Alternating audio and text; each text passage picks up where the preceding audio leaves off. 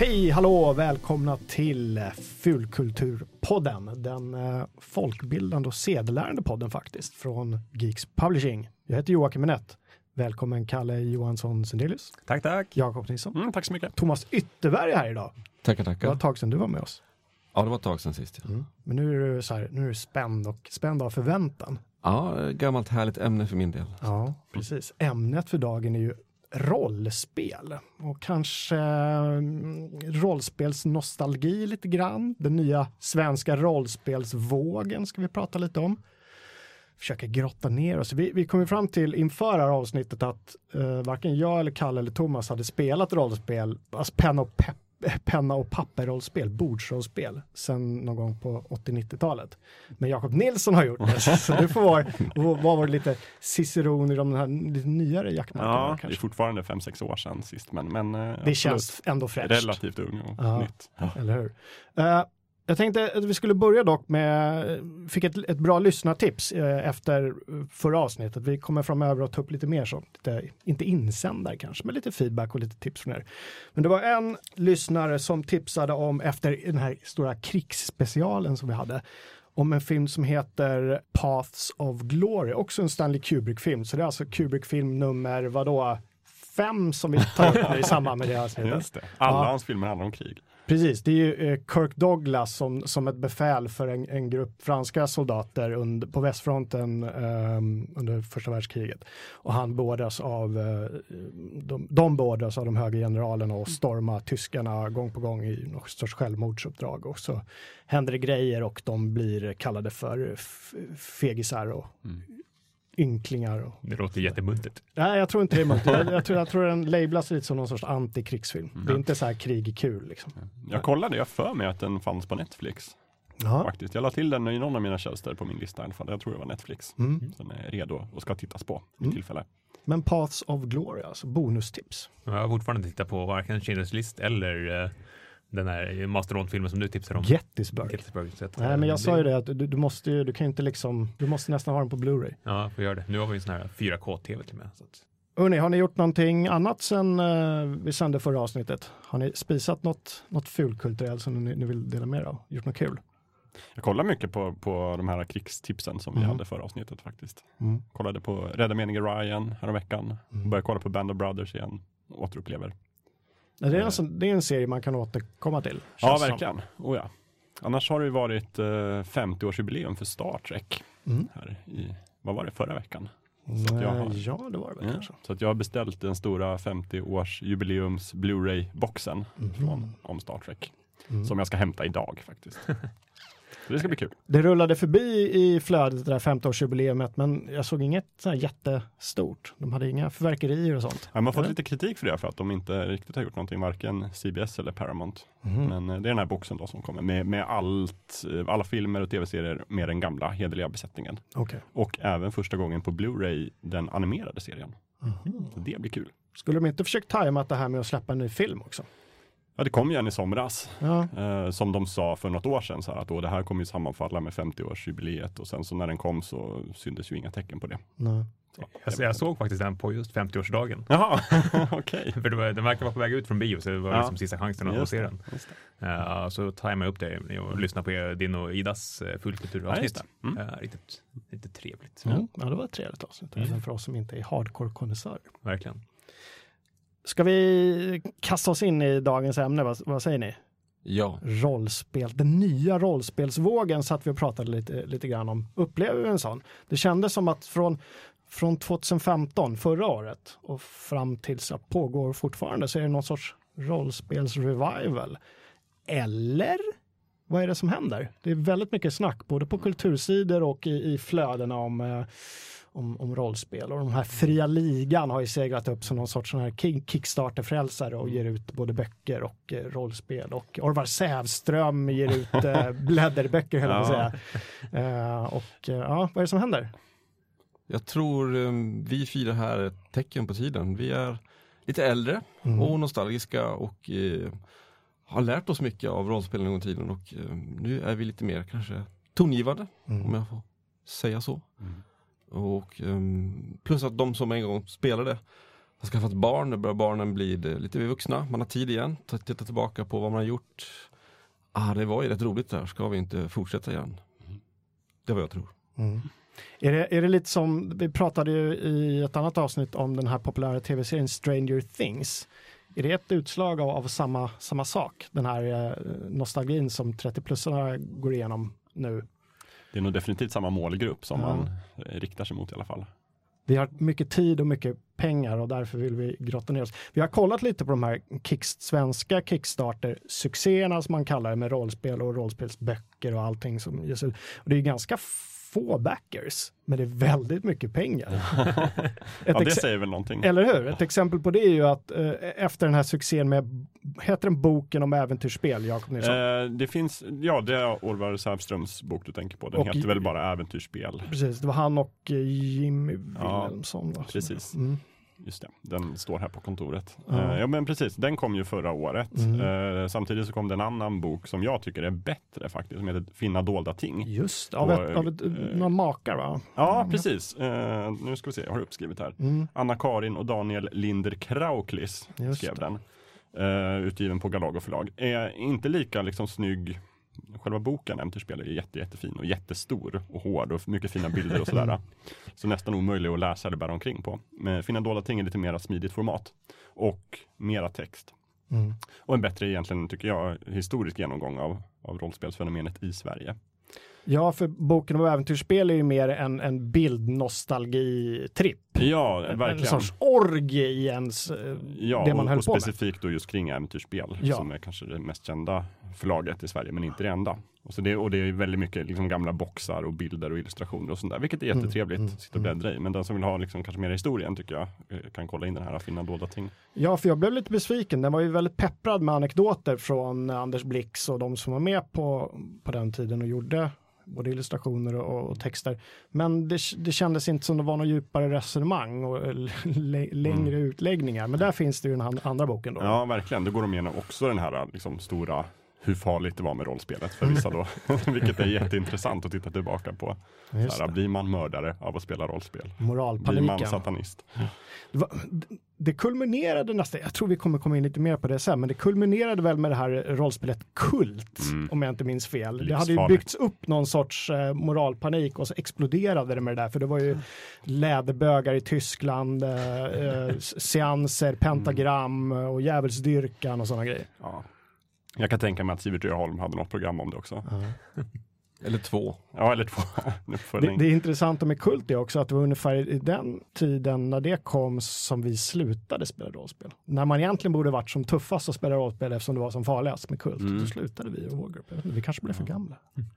Men det var lite roligt där med, med Kickstarter och eh, rollspel. Jag gick in och gjorde en sökning på, på Role Playing Games på Kickstarter och hittade 450 aktiva projekt just nu. Oj. Mm. Eh, och filtrerar man ut bara just tabletop-spelen så var det 289. Så att det, Mm. det, det finns ju ett par spel på gång om man vill det. slänga pengar på någonting. Mm. Just det, det jag skulle säga med, det kommer ju en uppföljare som sagt till boken om äventyrsspel um, som behandlar Nisse Gullikssons eh, fina illustrationer och teckningar. Det var han som tecknade, om ni minns, gamla monsterböckerna bland annat till, till Drakar och Demoner. Eh, det ska komma en hel bok om det och de är uppe i över 400 000 nu. Och det är inte många hundra, jag tror jag skrev ner det någonstans. Det är alltså 587 backers än så länge som har samlat in 471 000 Mm. och de hade bett om 100 000. Ja. Så att de här stretch goalsen nu börjar bli väldigt krystade känner jag. Så här, Åh, vi gör åtta sidor till. Ja. Hur, hur många illustrationer har de? Det känns ju också som att rollspel är en ganska Kickstarter-vänlig produkt på det sättet. Det är ju liksom Dels tilltalar det rätt målgrupp. Det behöver inte vara särskilt många som backar utan de pyntar in 500 kronor så blir det ett spel liksom. Och det är mycket fokus på eh, grafiken, liksom en fin låda och någonting fysiskt på det sättet. Mm. Det mumma för alla Kickstarter-älskare. Men tror ni den här nostalgitrippen då som vi går igenom kommer göra så att yngre börjar spela eh, bordsrollspel igen? Så att är det en riktig ny våg eller är det bara en, en fluga? Ja, jag vet inte, alltså jag känner ju inga yngre Nej, sådär, som- inga yngre alls. Nej, inte riktigt på det sättet. Jag känner en del, alltså som kanske är 20-årsåldern som, som spelar, Mm. som gjorde det när de var tonåringar. Eh, jag vet inte hur dagens tonåringar jobbar. Jag kan tänka mig att, rollspel kanske inte kommer försvinna, men att det kanske är lite samma situation som vanliga böcker, att det, det finns kvar, men det är ju mycket mera konkurrens idag från dataspel, tv-spel, film. Ja, precis. Jag skrev ner det som en punkt här. Vad var det som gjorde att rollspelen typ dog ut förra gången då, efter 90-talet? Var det eh, tv-spelen och datorspelen som gjorde sitt intåg? Mm. Kan det varit det? Det tror jag. Punkt liksom. Ja, ja, lite, men jag tror också att det handlade om eh, rent så här, det är som sagt det är en fysisk produkt man säljer. Och när jag var liten så minns jag att leksaksaffärerna hade liksom hela avdelningar med rollspel. Så det ger väl lite varandra där, det blir en växelverkan. Att när rollspelen blir lite mindre populära så försvinner de från leksaksbutikerna. Och många av leksaksbutikerna läggs ner och försvinner. Just det. Så idag vet jag inte, det finns väl någon i Stockholm, men det finns inte så många i mindre städer. Så Nej. att, vart köper man rollspelen? Samtidigt som dataspelen kommer och liksom erbjuder någonting annat. Ja, jag har svårt att tro att man köper nyutgåvan av MUTANT från Fria Ligan på BR Leksaker. Nej, Ni, ni får väl rätta oss om vi har fel här, men jag tror inte det. precis. I Östersund hade vi en affär som heter Korg-Olle. Så Jag vet inte om jag har berättat om den tidigare, det tror jag. De hade en, hela källaren. Den farliga källaren var full av rollspel. Oj. Kunde man gå ner och titta på eh, läskiga bilder. Ja, men samtidigt så känns det som det finns en sån butik i nästan varenda stad med, med någ- någorlunda mängd invånare idag, Mm. eller hur? I Stockholm har vi Dragons Lair bland annat, Mm. på Kungsholms torg, som är ju en liten, en, verkligen en grotta med allt från eh, strategispel till rollspel och tv-spel. Precis. Men går man dit så spelar de ju kanske mest eh, sådana kortspel Mm. och brädspel, vilket väl Just också har vuxit otroligt mycket de senaste åren. Mycket tack vare Kickstarter. Det där slog väl igenom i, i samband med Magic the Gathering va? Ja. Det måste varit för en 20 år sedan ungefär. Mm. Jag gav bort alla mina Magic-kort. Nu är inte det riktigt rollspel men det Mm. hänger ju ihop lite grann temat och så. Men jag gav bort allihopa för Ja vad blir det nu? 17 år sedan. Mm. Jag ångrar mig lite grann nu för jag insåg att jag gav bort rätt många tusenlappar. Ja, det kan jag tänka mig att de har. Svarta kanter runt om korten. Mm. Men jag tycker vi ska ha ett eget avsnitt sen om, om just kanske mera brädspel, men jag tror att det tilltalar lite samma slags personer. Det är lite samma tema, det är liksom mycket övernaturligt och mm, drakar och sånt. Men det är lite mer uppstyrt regelmässigt. Mm. Men det är fortfarande en social grej som man spelar med varandra. Eh, men kanske lite mindre tidskrävande rollspel. Man hinner ju lite mer. Men de som jag spelade rollspel med på 80-90-talet har i viss mån fortsatt spela brädspel med. Även Mm. långt in i modern tid.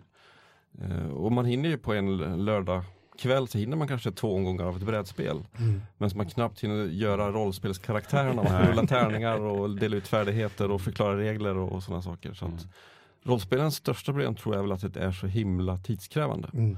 Och när man var tonåring så hade man ju all tid i världen. Ja. Då kunde man sitta kväll efter Ja. kväll en hel helg och gärna in på vardagskvällarna också. Ja, ja men precis. Ja, Ja, det, det- det är där vi har fastnat när vi har liksom försökt plocka upp det här, alltså det gänget som spelade rollspel i, i tonåren. När vi har såhär, åh gud vad kul det skulle vara att spela rollspel. Det är just att, ja men då har vi satt oss ner en kväll och så har vi bara fått varsitt karaktärsark. Jättecoola gubbar och liksom karaktärer som vi verkligen vill spela med, men vi har liksom, man har aldrig kommit vidare ifrån det. Mm.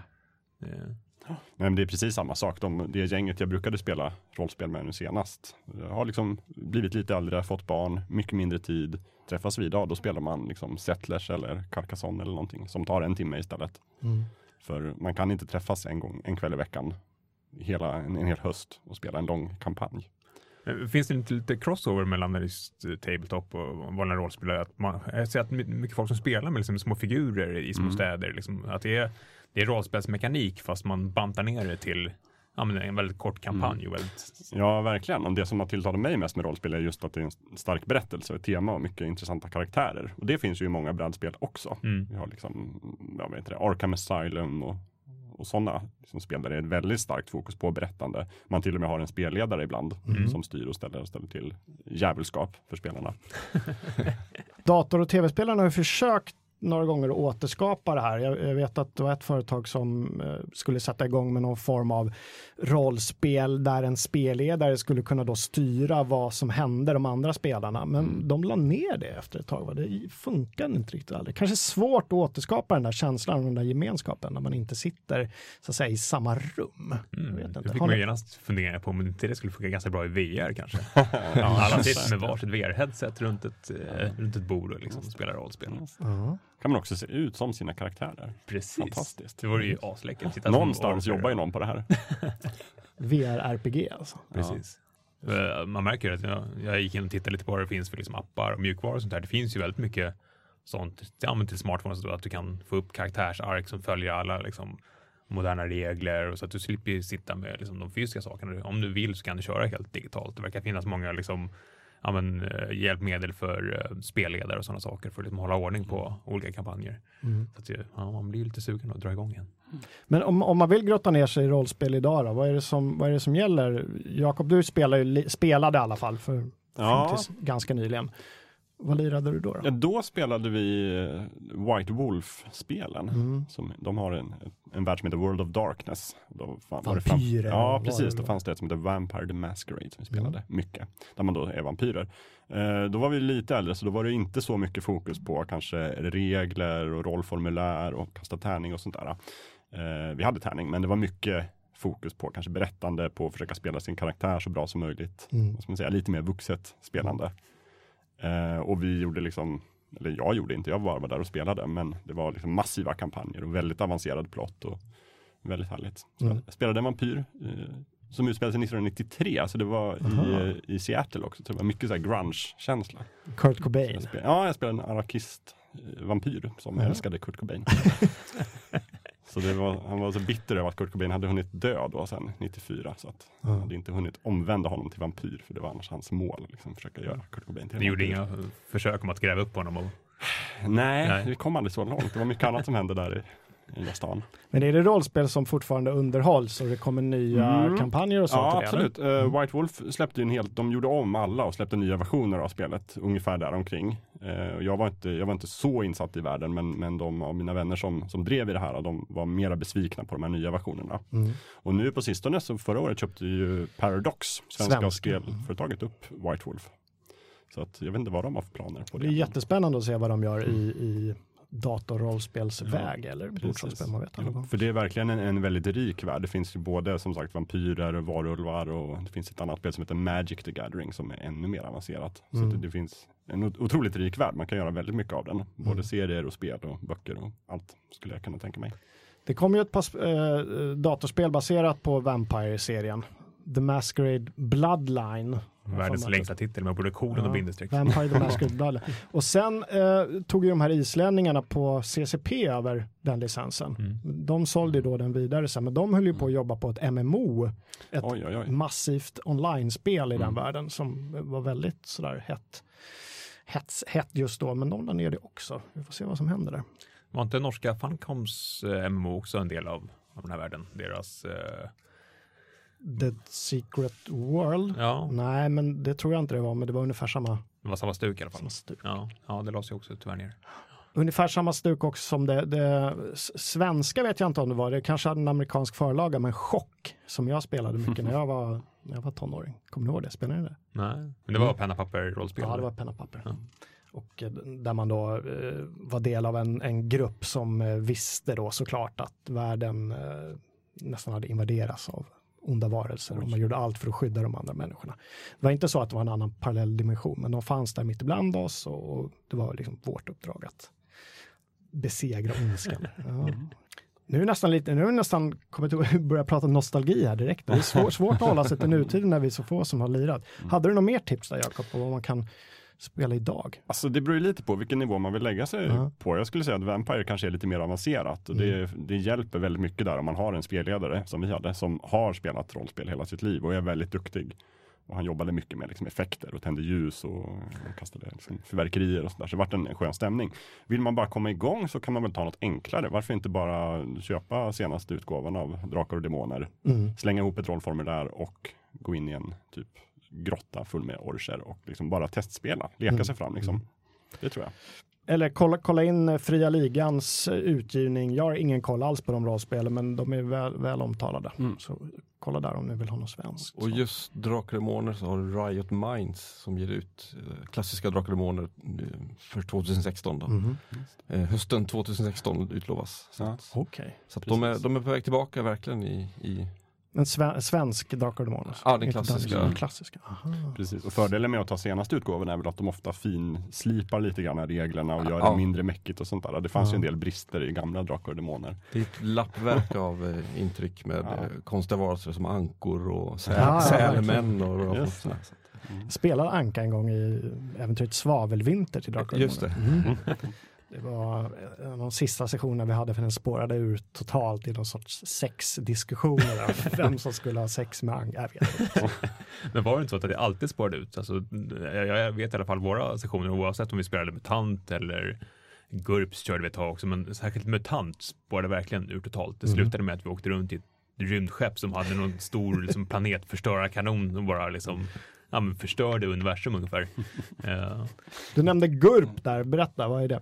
Det står ju för General Universe. Eh, Generic Universal Role Playing Systems. Jag har en hel flyttkartong med GURPS-grejer hemma. Så ah, att Berätta mer om GURP. det var en, eh, en snubbe som heter Steve Jackson som gjorde ett sånt spel, amerikan från Texas. Så att det är ett generellt system som man skulle kunna anpassa till alla typer av eh, miljöer. Så att man hade liksom en grundregelsätt och skulle man köpa till för rymden och för riddare och för samurajer och för Mhm. eh, eh, såna här um, special ops, eh, militärrollspel och såna saker. Och man kunde liksom plocka och ha hej vilt ganska fritt.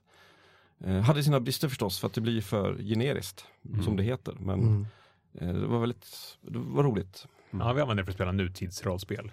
Ja. Då hade vi redan gått igenom Drakar, Demoner och MUTANT, men vi ville spela liksom nutid. Då blev det någon form av råna bank-uppdrag vill jag minnas. Eh, Men ja, GURPS minns jag. Mm. Det var också ganska många kända varumärken som gjorde sina rollspel baserat på GURP-systemet. Typ Discworld till exempel. Aha, jag. Ja, det. kom, det byggde på GURP.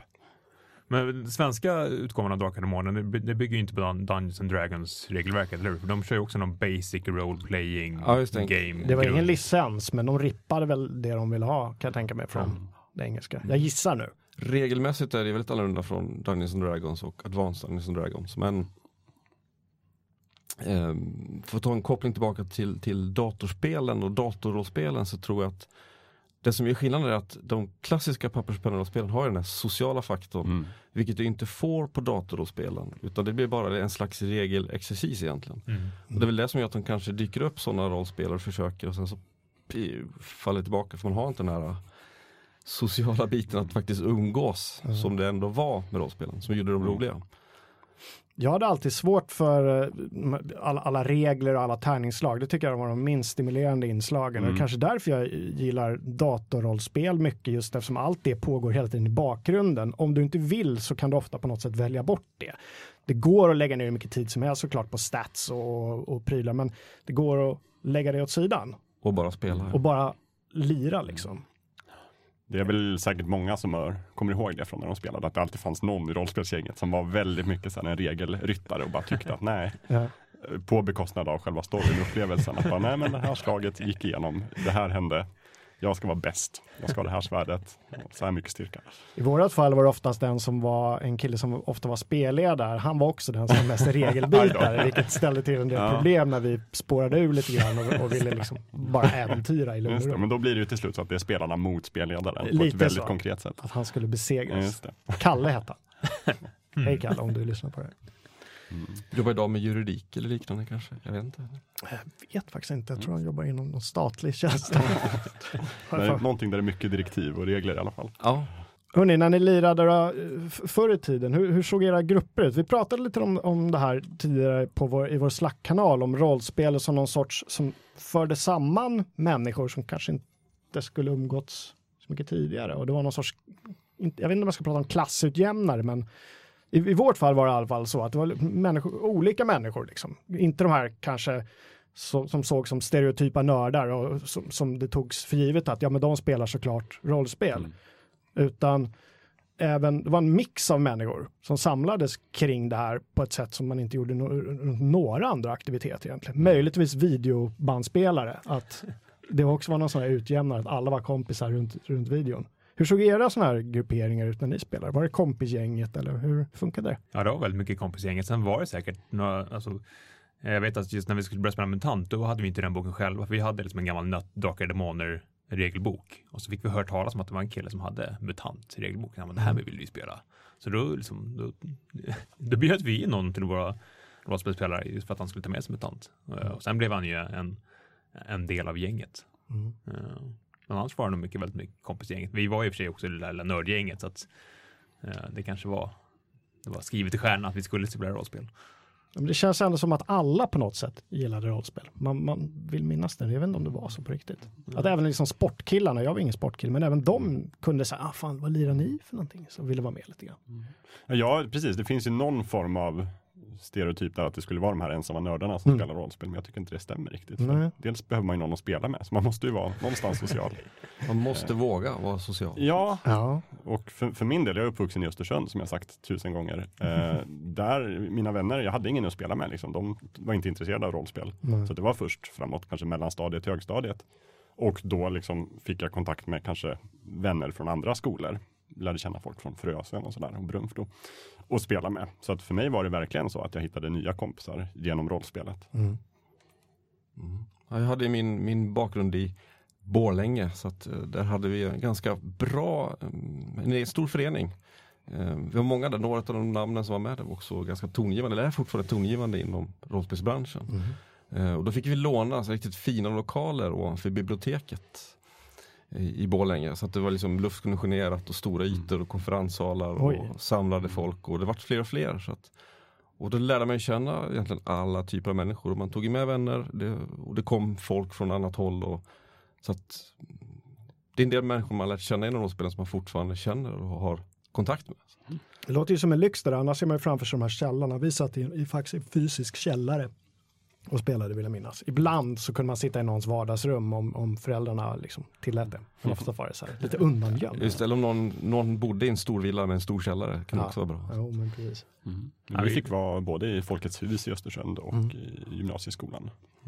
Va, var ni organiserade då? Var det en, Ja, alltså, jag var förening? inte organiserad, men Nej. det fanns en förening där i bakgrunden som Mm. jag inte var engagerad i, men som jag liksom gjorde att jag kunde gå dit och Ja. spela. Var den ansluten till det här Sverok? Det är jag helt säker på att den var. Mm. Sveriges, vad heter det? Sveriges eh, roll Roll- och och konfliktspelsförbund. Som, som åtminstone själva kallar sig för Sveriges största ungdomsförbund. Mm. Ja, det kan man förstå. Ja, Få Scoutrörelsen att är ju på nedgång så att det är Ja. väl säkert sant.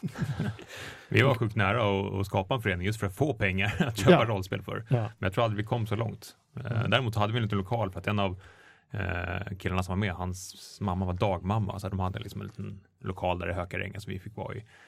Men jag tror, det var allt så stökigt när vi hade varit där och spelat rollspel. Vi kanske inte var de bästa på att städa och det blev ganska livat. Så att det, det slutade med att vi inte fick vara där längre. Men det är sådana som satt åt chips och hade medan ni spelade. Eh, läskeblask eh, drack det säkert. men jag tror inte vi åt några chips. Det var, det var ju liksom, ja, det var ju som störst på mellanstadiet. Då hade man ju liksom ingen, inte be- obegränsat med, med medel. Men en annan lite kul grej om här med kompisgäng. Hade ni personer som i princip, oavsett vilket rollspel ni spelade, spelade samma typ av karaktär? Alltid, Ja, alltid. Ja. absolut. Ja, Visst hade man en sån? Jag hade en polare som alltid spelade liksom, han skulle alltså lägga alla poäng på styrka. mm. Och det slutade oftast med att han var så himla korkad så han fick slå till med ett intelligensslag varje gång han skulle öppna en dörr. en liten kort dvärg som var jättestark. Stefan. Ja. Men det där är intressant, för jag var alltid lite avundsjuk på dem som gick in för att rollspela olika karaktärer, vilket Mm. ju faktiskt är det rollspel handlar om. För jag var också ganska enkelspårig. Om det var fantasy så var jag alltid en arg dvärg. Mm. Eller en anka någon gång, men nästan alltid en arg dvärg. Väldigt enkelspårigt Mm. på något sätt, att, för det passade hur, hur jag var då. Men det blir inte så mycket rollspel. Inte. Mm. Hur var ni, Jakob och Thomas? Körde ni, svävade ni ut och var en, Ja. en kvinnlig magiker som... Jag utmanade mig nog inte mig själv så mycket, men jag försökte Nej. nog testa lite olika. Men jag hade vissa favoriter. Men det var väldigt ofta tjuv till exempel. Mm. det var väldigt roligt. Och la alltid orimligt mycket poäng på karisma av Ja. någon anledning. För jag resonerade väl som så att alla, det är ju väl dokumenterat att snygga och trevliga människor klarar sig bättre i livet. Ja. Jag tänkte väl att det skulle gälla i rollspelsvärlden också. Man snackar sig ur situationerna Ja. men så kommer alltid någon polare där och ändå drar läxa och Ja, exakt. Det Det blev är alltid fel. Ja. Kom inte så långt på mitt vackra utseende. Thomas då? Jag varierar mig ganska rejält. Jag var dels arg dvärg som säger, i Advanced Dungeons and Dragons. Mm, poppis. Eh, slutade under en drake. Eh, eh, så var en, en, em, en, eh, konstnärsprofessor med missbruksproblem i Call of Cthulhu. Oj! det lät avancerat. Ja, Mm. men det var ju mitt, min inre själ som kom fram. Just Mm. Berätta mer om det spel. Jag har faktiskt inte hört talas Det är klart det finns rollspel som bygger på, är det HP Lovecrafts värld? Just det, eller? och det Mm. bygger på de här uh, basic role-playing reglerna, samma som Drakar och Demoner bygger på. Så Mhm. att det är liksom samma princip, samma typ av tärningsslag och så. Och, ganska enkla, ganska dåliga regler som gör att det blir mer öppet för att spela. Så Mm. att säga. Så att, ehm, nej men det var en, alltså det är en, Call of Cthulhu var väl den som verkligen var hade någonting äkta i sin, i sin, ska man säga, sin, sin bakgrundsvärld, vilket den ju var, som det var Lovecrafts Mm. bakgrundsvärld med alla monster och sånt. Och, ehm, så att, ehm, det var ett av de bästa minnena, de bästa tillfällena för spel hade vi med just då, eh, Call of Cthulhu. Och då hölls också spelsessionen höll sig i form. Det vart inte åka runt i rymdskepp och, Mm. och skjuta, skjuta ner monster utan det vart verkligen så här, ja eh, du, du får ett, två år nu på mentalsjukhuset. Liksom. Kommer tillbaka om två år. Jag gillade med, eh, MUTANT spelade vi väldigt mycket för att det hade den här, eh, det var lite närhetsprincipen, att det var ett, liksom ett Skandinavien efter katastrofen. Som var ett lite nytt, nytt grepp som vi var väldigt sådär förtjusta i. Förbjudna zoner. Precis, förbjudna zoner. Där, där missade jag att det var skandinaviskt från början. Mm. Jag vet att jag, min första karaktär i MUTANT var en, en, man kunde spela en robot. Eh, Man var tvungen att betala jätte- jättemycket pengar för att bli en självständig robot. Man var tvungen att köpa något självständigt chip av något slag. Jag var väldigt nöjd med att min ena arm var både en granatkastare och en eldkastare i ett. Eh, Den hade jag mycket roligt med. Men eh, nej, jag missade helt den här skandinaviska kopplingen till MUTANT. Vi, vi drog nog- mest bara runt. Jag var väldigt förtjust i MUTANT just för att i den, i den världen så är Jämtland en egen republik. Som brydde sig loss och dessutom erövrat Sundsvall. Så tyckte väldigt mycket om vi spelade just sen då. Är det inte något specifikt äventyr också som tar plats där i Säkert, Jämtland? Eller? Vad säkert. hette de här äventyren? Bris brygga Ja, hette mycket något. sånt där. Järnringen. Järnringen. Ja. Finns i den här stora boken som finns alla de här äventyren på bild. Just det, boken om äventyrsspel. Vi hade aldrig råd att köpa de här liksom extra äventyren, så vi fick liksom alltid hitta på våra egna grejer. Så att, ja, jag, jag tror vi hade någon extra bok om vapen till Drakar och Demoner, men annars var det liksom Ja. bara grundböckerna som vi kom åt. Ja, det är det som är ironin. Nu har man ju råd, men inte tid. Eller så lägger man alla pengar på Kickstarter och köper en. Simon Stålenhagen här, numera berömda tecknaren som blandar sci-fi med svenska vyer bland annat. Han gjorde ju eh, omslaget till den här nyutgåvan av MUTANT som de här fria ligan gjorde. Jag tror det heter MUTANT år 0. Ja, precis. för mig att det heter det. Mm, Vi ser ju, det gamla omslaget har vi framför oss på en bild där. Det står en, en kille som ser lite ut som så här, någon Luke Skywalker-snubbe i någon sorts djungelmiljö. Jag vill minnas att den nya bilden, då är det en sån sliten Max re- hamburgerrestaurangskylt också Ja. som ligger. Fantastiskt. Det är väl väldigt mycket omslagen som man kan tacka för att man blev inspirerad av rollspel från början. Absolut. var det för mig. Jag var, Mm. Långt innan jag spelade rollspel så var jag ju otroligt lockad av de här märkliga boxarna som fanns. Och så, även om jag tyckte det var lite svårt att greppa just att det inte fanns någon spelplan och att det inte var små figurer man lekte med. Utan jag fattade inte riktigt hur spelet gick till. Förrän jag blev äldre och insåg tjusningen med det. Men Mm. det var ju väldigt mycket otroligt snygga omslag. Absolut, och även mm, illustrationer. Jag vet, när vi pratar om Nisse Gulliksson, han satte ju standarden för hur en bra illustration ska se ut. Mm. Ofta blev man väldigt besviken när man öppnade något kompendium han inte hade varit med och tecknat, för det, allting annat var lite sjaskigt i jämförelse. Men som sagt, han kom ut med en, med en ny bok, han, han och Orvar Sävström igen, tror jag, som är inblandad. Ser vi fram emot att bläddra i.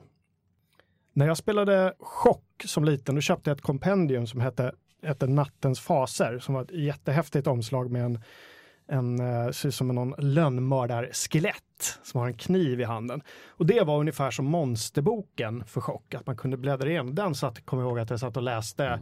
eh, kväll efter kväll efter kväll och, och läste om gamla sådana här vampyrregenter, hon Bathory om ni minns, eh, som eh, badade i blodet från oskuld. Det var hemska grejer så att säga. Men på tal om hemska saker, just den här liksom moralpaniken som kommer kring rollspel. Jag minns att just eh, min mamma var ganska tillåtande, liksom, men även hon som var liksom gammal hippie kunde säga vad, vad gör ni egentligen på de här rollspelskvällarna? Mm. Liksom, Mm. det, det var väldigt liksom, ja, men suspekt. Mm. Ja, det, Hade ni- blev Möter lite, ni samma saker? det blev ju lite intervention. Jag minns att jag berättade om det här i, jag mig, kanske var i fantasyavsnittet av Fulkultur, hur det blev en sån intervention med mitt kompisgäng. Minns ni det eller? Ska jag dra den igen? Vi kan dra den igen. Dra den igen. För skojs skull. Det var eh, en av mina eh, eh, kamrater, hans pappa var läkare och han hade fått eh, berättat för sig av sonen hur vi i vår session då, det var en mutantsession när vi satt blödande och höll på att frysa ihjäl i någon sorts is, isbunker och armarna var avslitna och man kunde ta sån här regen, regen hette det egentligen, men vi kallar det regen, som fick armarna att växa ut. Och han berättade då med stor entusiasm för sin eh, pappa läkaren om det här. Vilket då fick som resultat att pappa läkaren ringde runt till alla andra föräldrar och, och sammankallade ett föräldramöte i den här gruppen med oss pojkar närvarande. Där han då väldigt indignerat beskrev vad vi höll på med och, och ville att eh, det skulle bli ett föräldrakonsensus att nu får vi sätta stopp för de här dumheterna. De får inte träffas igen om de ska hålla på med sånt här. Eh, väldigt, väldigt dramatiskt. Slutade med att faktiskt de andra föräldrarna uh, satt också och himlade lite grann med ögonen. För det gick lite väl långt. Men det var ändå så nickade lite förstående. Mm. Är det någonting ni råkade ut för? Sådana såna händelser? Faktiskt inte. Mina föräldrar tyckte nog att det var väldigt positivt Ja. när jag började med rollspel. Mycket tror jag just på grund av att så här, oj, han träffar folk från andra skolor. Och, och Åh, han har vänner. Ja, Ja. men lite sådär liksom, wow. De såg liksom den nyttan med det. Jag tror inte att vi gick in så mycket på detaljerna. vad som hände i själva rollspelsäventyren kanske. Nej. Sådär, att vi åt varandra och högg av armar och sånt där. Det tror jag inte de liksom riktigt insåg. Alltså, det var lite rätt grova grejer. Jag berättade om det här chock. Det fanns ett äventyr som hette, jag har också en bild här, som heter Skymningens by som utspelade sig i, i någon sorts regnskogsmiljö i Sydamerika med liksom eh, människor som kunde förvandlas till, är det geparder man har i Sydamerika eller vad är det? Det är inte leoparder. Ah, ja, sak samma. Jaguarer. Jaguarer är det, ja just det. Och du vet, det var så här zombier och de slet människor i stycken och allting. Och det där satt vi och njöt av. Ja. Hur gammal var man då? När man, 90, 85 kanske? Mm. 10, 12? Ja, ja. ja, någonstans i mellanstadiet som det var som störst för oss. Jag spelade ju mest, för mig var det mer eh, senare tonår. Sådär, Mm. så, att, så att just det vi pratade om när föräldrarna gör intervention, då hade ju föräldrarna kanske inte riktigt samma, vart inte lika rädda så att säga. Men däremot så tänkte jag att det var ju mycket positiva effekter då för oss och spelat. Vi hade ju Mm. sagt då, i tonåren så började en del få vad säger man, lite mer livsproblem eller ha svåra livssituationer. Och de kunde ju komma till oss och spela och hade lite fristad på någonstans. De kunde Mm. fly från Mm. besvärliga hem eller liknande. Eller att, rent konkret, de satt med oss och drack chips, eller drack chips, drack, drack läsk och käkade chips och åt pizza i lördag söndag istället för att vara ute och dricka, Ja. dricka sig fulla. Ja. Eh, 16-17-åringar. Liksom, Mm. så att, Precis. så att jag har ju liksom snarare mycket positivt att det fanns en del människor där i den kretsen som, som ju hade, var på väg utför. Mm. Och så fick, kunde man hänga med och sen så, eh, ja. Lite grann den effekten som de säger att eh, tv-spelen har haft idag. De säger att det, det är liksom ett sjunkande alkoholmissbruk bland ungdomar till exempel. Och då kopplar de mycket det där till att folk sitter och, och spelar spel istället. Och så ska framhäva att spel är väldigt bra då Mm. istället. Men det var väl just kanske något uppmärksammat fall, jag kommer inte ihåg det på 80-talet, när någon eh, ung person mördade sin person, Mm. sin kompis och sen så visade det sig att de spelade rollspel och då är det naturligtvis måste det bero på rollspelet. Mm. Det finns ingen stort. annan förklaring. Det var Jag får mig att det var i riktig- Bjuv va? Ja. Inte det? Just Jag tror det finns en P3, eh, P3 eller Ja, just P1-dokumentär om det där. Ja, men precis, det var ju det. Han spelade rollspel Ja. och då gjorde man genast kopplingen att det måste ju vara därför. Mm, oh ja. Och sen så läser man hur media rapporterar kring det och de, liksom, ju mer man vet om rollspel desto mer okunskap ser man i liksom, rapporteringen i vad rollspel är för någonting, hur det går till och ja. Ja, sen kan man tänka som, som förälder kan man väl ja, men börja undra lite hur, hur det står till om, om ens barn sitter och fantiserar om eh, liksom, avslitna lemmar och grejer. Alltså, eh, när man själv har spelat förstår man ju att det, det, är liksom, det handlar ju bara om fantasi men Mm. det, det, man kan ju gå ner ett ganska djupt mörker där i, i rollspelens värld. Ja, och det kanske man, alla föräldrar är inte beredda på att, att fantasin kan gå så långt hos Mm. sitt lilla oskyldiga barn. Berätta lite mer om, om vad ni körde för spel när ni var små. Ja, det var ju som sagt Drakar och Demoner som vi inledde med. Den Mm. liksom klassiska gröna boken med någon sorts av eh, nästan He-Man-inspirerad gubbe som står och håller ett svärd i fronten. Han är lite lik den här, heter han Eldrick? Mm. Heter han det? Eh, jag tror att eh, originalillustrationen, originalillustrationen är just Eldrik. Eh, att det kommer därifrån någonstans. Så att, eh, det går, går att spåra dem där, men de har ju återgetts, man har sett den där i flera andra sammanhang för att den har ju licensierats många gånger, just samma, Mm. den här klassiska illustrationen. Ja, för det är någon vithårig kille, eller hur? Som Ja. står med. Och även då expertreglerna är också samma egentligen, samma konstnärer och sånt. Just det. Är det några speciella äventyr du kommer ihåg?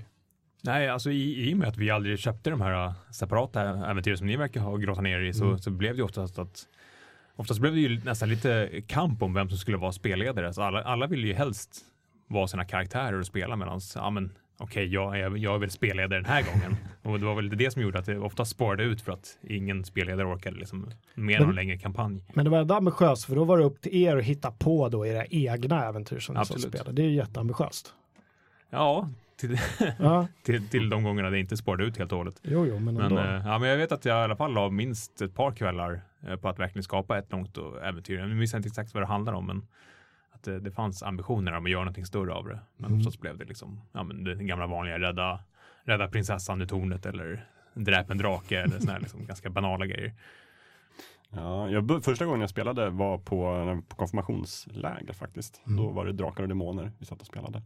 Några kvällar, sen satte prästen stopp för det där. Inte så mycket på grund av att vi spelade Drakar och Demoner, utan för att vi satt uppe på nätterna Mhm. och spelade, så det kan vi förstå. Eh, och sen fortsatte vi med den kampanjen då efter eh, lägret. Och då var jag en liten goblin, som också var tjuv. Som tyvärr eh, blev av med sin arm då jag stal en förtrollad ring av en av mina kompisar i sällskapet som var tyvärr förbannelse på den ringen så då fick de hugga av min arm. Så var jag en enarmad tjuv ett tag. Och sen nästa gång hamnade jag i ett krogslagsmål och fick andra armen avhuggen. Så fick jag gå i pension. Ja, jag startade också Drakar Demoner, MUTANT eh, och sen så i takt med att man träffade fler och fler av de här rollspelsföreningarna. Vi hade en förening som hette Avam om jag kommer rätt. Som var något latinskt som jag har glömt vad det är. Men vi hade i alla fall Cthulhu himself på tröja, rött tryck på svart.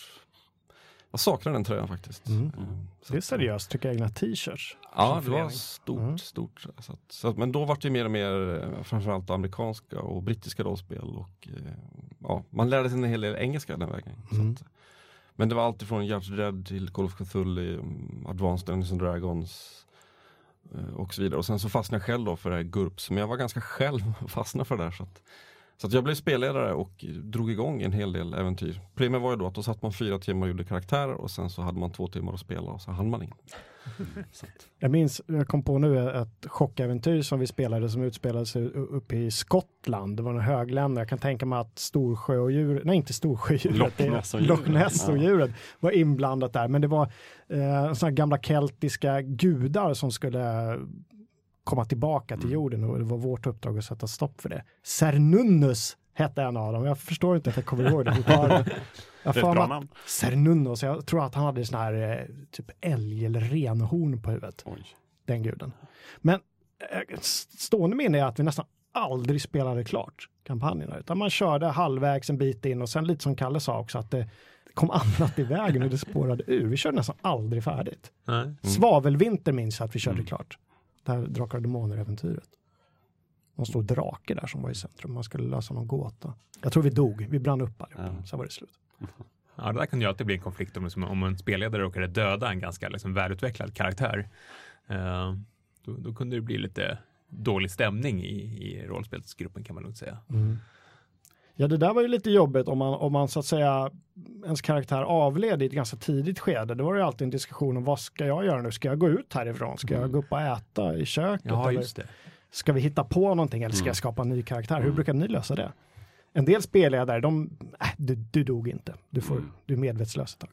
Nej, jag, jag minns det, just det där att, liksom att vad, fan, vad ska vi göra nu? Det kanske var just därför det började spåra ur för att de andra liksom tröttnade eller liksom ville vara schyssta för att bara Mm. avsluta kampanjen.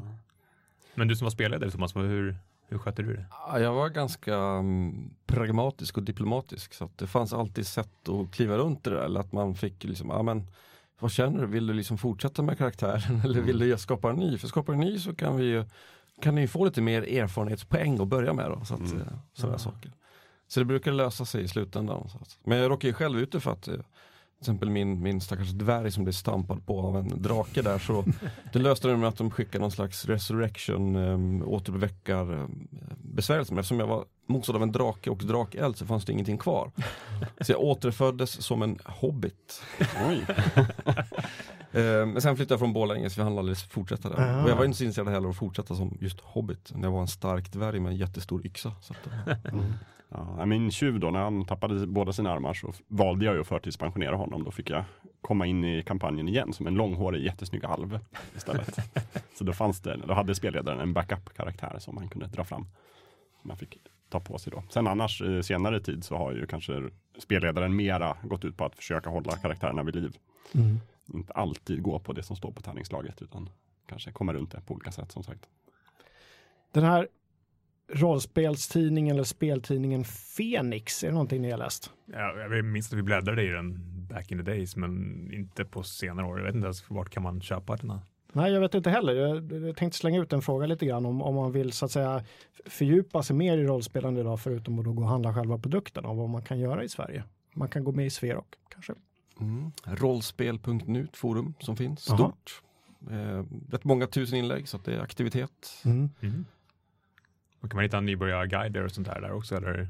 Ja, man kan nog framförallt ge sig in och bli Hej, jag är intresserad, kan ni hjälpa mig? Så är jag övertygad om att det kommer folk i stora drivor och vill vara vänliga. Ja. Det är ett hjälpsamt community, inte det här elitistiska. Nej, det är inte Nej. riktigt. Ja, men det minns jag i alla fall från Dragons Lair i, i Stockholm att när jag, jag skulle göra en artikel om, om Warhammer Warhammer-spelen, de var ju väldigt liksom välkomnande. Mm. ett sätt. Så att vill man börja lira så är det nog inte svårare än så. Mm. Att kliva dit och säga hej, jag, jag är nyfiken på det här, kan ni, kan ni inte visa?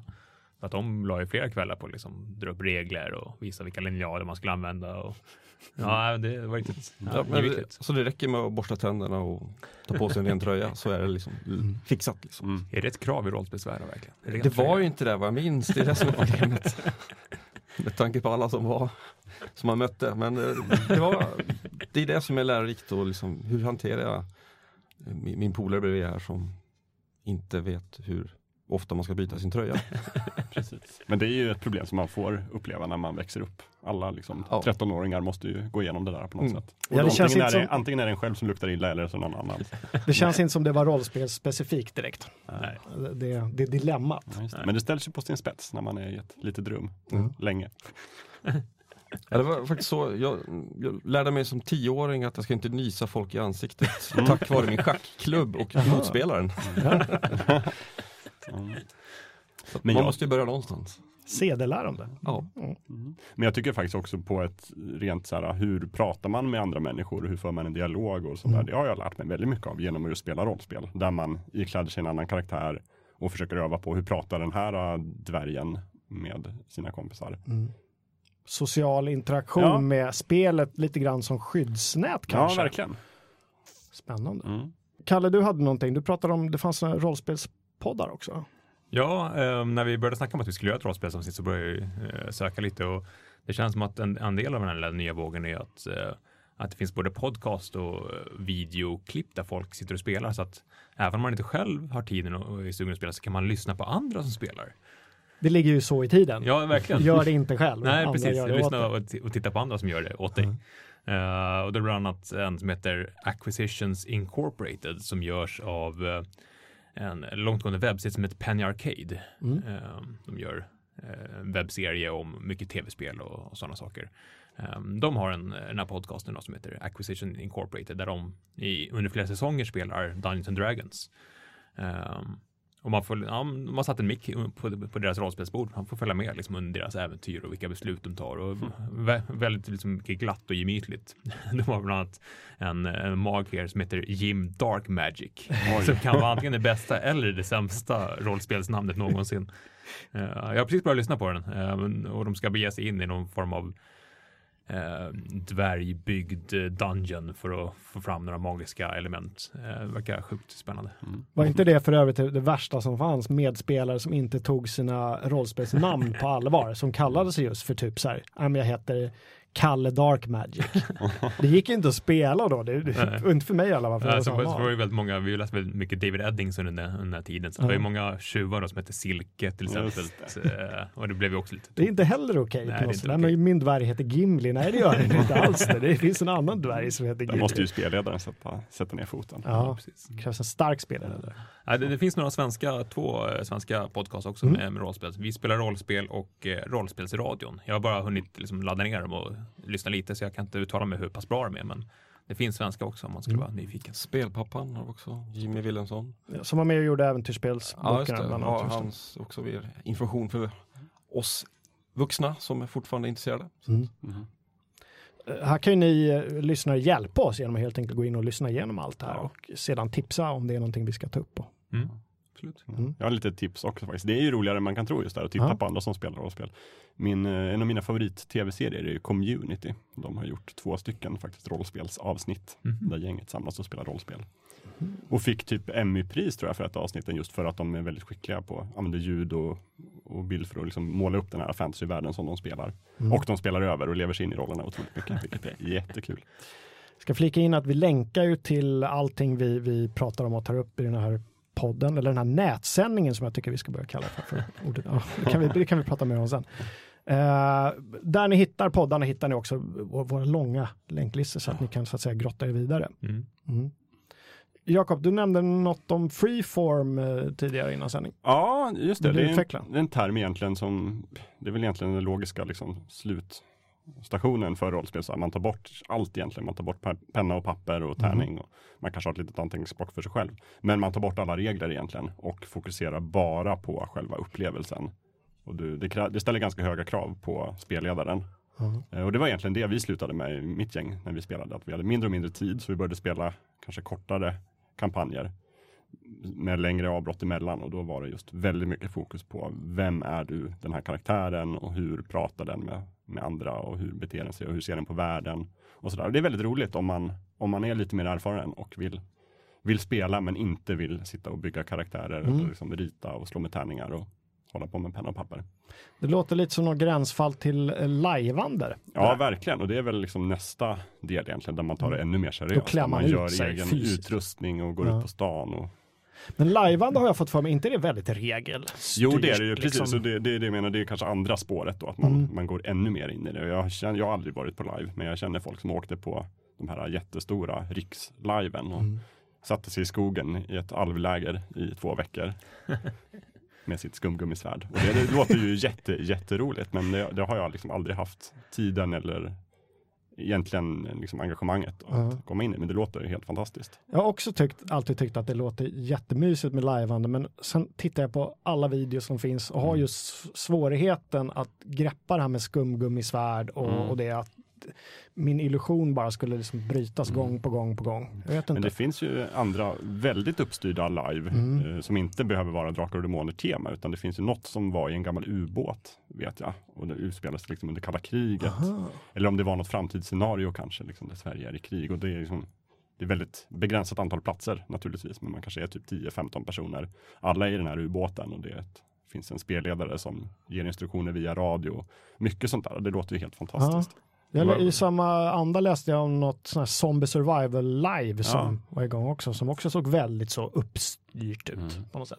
Det Kanske var kan vara faktiskt eh, Dramaten eller om det var Operan här i Stockholm för det var bara en eller två månader sedan som körde ett, ett eget live baserat på någon av eh, Shakespeare-pjäserna där liksom ensemblen och de som var med i publiken alla hade sin egen roll. Mm. Eh, och det var det var en möhippa som låg till grund för någon som skulle gifta sig. Jag, jag minns inte vilken pjäs, men jag, jag ska länka det här i, eh, i länklistan. Men just att ja, liksom Dramatens skådisar och publiken då fick interagera med varandra för att det här skulle liksom bli en, en, en live-föreställning. Ja. Det är jättekul. Det finns ju en del sådana teaterföreställningar som lite grann suddar ut gränserna med ett live. Och det finns något spel också där man har en middagsbjudning hemma fast det är en mördare. Någon av gästerna är mördare och så ska man försöka lista ut vilken. Oj. Så det är ganska populärt i USA i alla fall vet jag. Det är något som cirkulerar i flödet nu som så här, Who is Hitler? Okej. Va? Okej. Det, det, det låter som något som Ja. att man ska lista ut vem Hitler är. Det är något sorts okej. Ja, just det. Ja. Jättekonstigt. Jag måste, jag måste Ja, läsa på mer Ja, det det. här heter How to host a murder party eller något Ja. sånt där. Just att man får en roll för kvällen och sen så Det låter man. jättespännande. Ja. Jag vet att en av våra medlemmar, eh, Robert Vedmo, eller Syrfit som han kallas på FZ, eh, han brukar köra med sina barn. Ja. Medeltids-live, liksom, att man klär ut till medeltidskläder och lajvar. Det är väldigt ambitiöst. Ja, verkligen. Ja, Men det kanske är det som är vägen in i rollspelen igen, tänker jag, att man börjar spela med sina barn. kanske. Mm. Ja. Det är ju ett tips till alla föräldrar som är oroliga för att sina barn spelar rollspel. Vad Fan, spela själva liksom, med era barn så fattar ni väl om det är farligt eller inte. S- Samtidigt, skulle ni ha tillåtit era föräldrar att vara med och spela? Nej, Nej. men man kan ju spela andra spel med sina barn. kanske. Ja. Man behöver inte tränga sig in när tonåringarna spelar Drakar och Demoner eller MUTANT. Nej, det, Man kan väl skapa ett familjehelgäventyr. precis. Är Kan lite man kan, Disney. kan börja lite lätt och bara spela ett parti risk kanske? Ja, varför inte? Jag har ett, ett sista tips också. Eh, Jag vet inte om ni hade fler. Men Eh, gamla rollspelet Cyberpunk 2020 som jag inte har spelat. Det är ett amerikanskt rollspel gjort av, tror jag är amerikanskt eller kanadensiskt, gjort av en kille som heter Mike Pondsmith. Som skapar hela den här eh, cyberpunk-världen som utspelar sig i en enda stor jättelik megastad. Det rollspelet är uppenbarligen extremt populärt och nu kommer eh, mitt favoritföretag CD Projekt som har gjort världens bästa dator och tv-spel som heter The Witcher 3 att göra ett spel baserat på det här rollspelet tillsammans med den Mike Pondsmith. Uh, spelet kommer att heta Cyberpunk 2077 istället för 2020 för att det ska bli. Det finns ju risk för att spelet inte kommer för 2020 så då är det lite fånigt. Så världen inte kommer se ut som den gjorde då. Så att säga. Uh, men har ni kört det rollspelet ni som lyssnar så kolla in det här dator och tv-spelet som kommer komma någon gång om några år. Kan bli väldigt, väldigt, väldigt bra och intressant. Det finns en fin trailer ute. Jag länkar till den. Mm. Du har en sista sak också Thomas att ta upp. En sista sak, precis. Eh, lite det som vi var inne på innan, att eh, brädspelen är ju fortfarande en slags eh, väg att gå om man fortfarande längtar till de här rollspelstiden så att säga. Att mm. Brädspelen idag är väldigt, väldigt bra. Och eh, man kan komma undan med kanske två, tre timmar. Eh, de man bjuder in att spela behöver inte vara gamla rollspelsnördar på det sättet. Utan, eh, och det finns brädspel om precis allting. Så mm. att jag har varit med om spel som handlar om det som Dilbert. Eller, och så vidare. Plus också något rollspel, eller ett brädspel som handlar om att man ska vara tysk parlamentariker. Jaha. Så att det finns. Och en klassiker är ju förstås Civilization. Brädspelet mm. som det var från början. Mm. Vi spelade mycket Hero Quest, var inte också ett brädspel man hade små gubbar gick runt på? Liksom.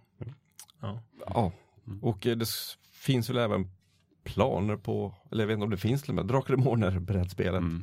Så att det går, att, det går att hitta vägar tillbaka. Mm. Ja, Vi ska ha ett helt brädspelsavsnitt framöver tycker jag.